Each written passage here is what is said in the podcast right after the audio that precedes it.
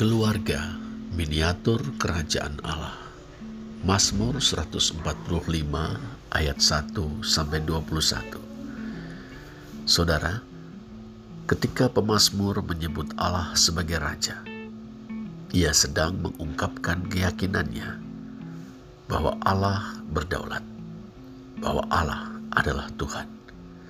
Ia meraja, memerintah. Kedaulatannya memiliki tiga sisi, otoritas, kontrol, dan kehadiran.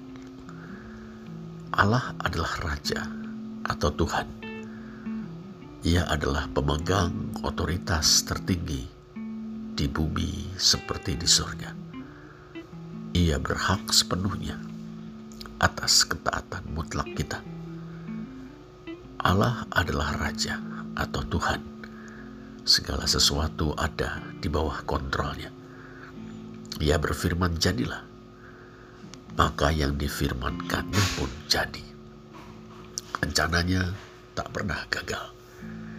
Pemberontakan manusia tidak dapat menggagalkan ketetapannya. Ia justru bekerja di dalam segala sesuatu, termasuk keburukan yang terjadi dalam semesta, perbuatan-perbuatan jahat manusia, dan penderitaan segala makhluk untuk mendatangkan kebaikan bagi orang-orang yang mengasihi dia untuk menggenapi seluruh rencananya yang mulia. Kita pantas takut akan dia. Allah adalah Raja atau Tuhan. Ia hadir di seantero semesta untuk memperhadapkan setiap makhluk yang berakal dan bermoral pada tanggung jawab atas setiap perbuatan mereka.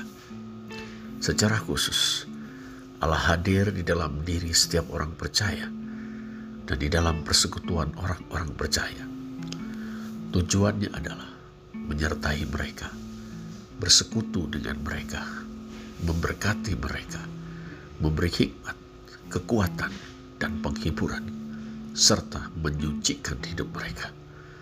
Kita layak mengimani dan mengasihi Dia.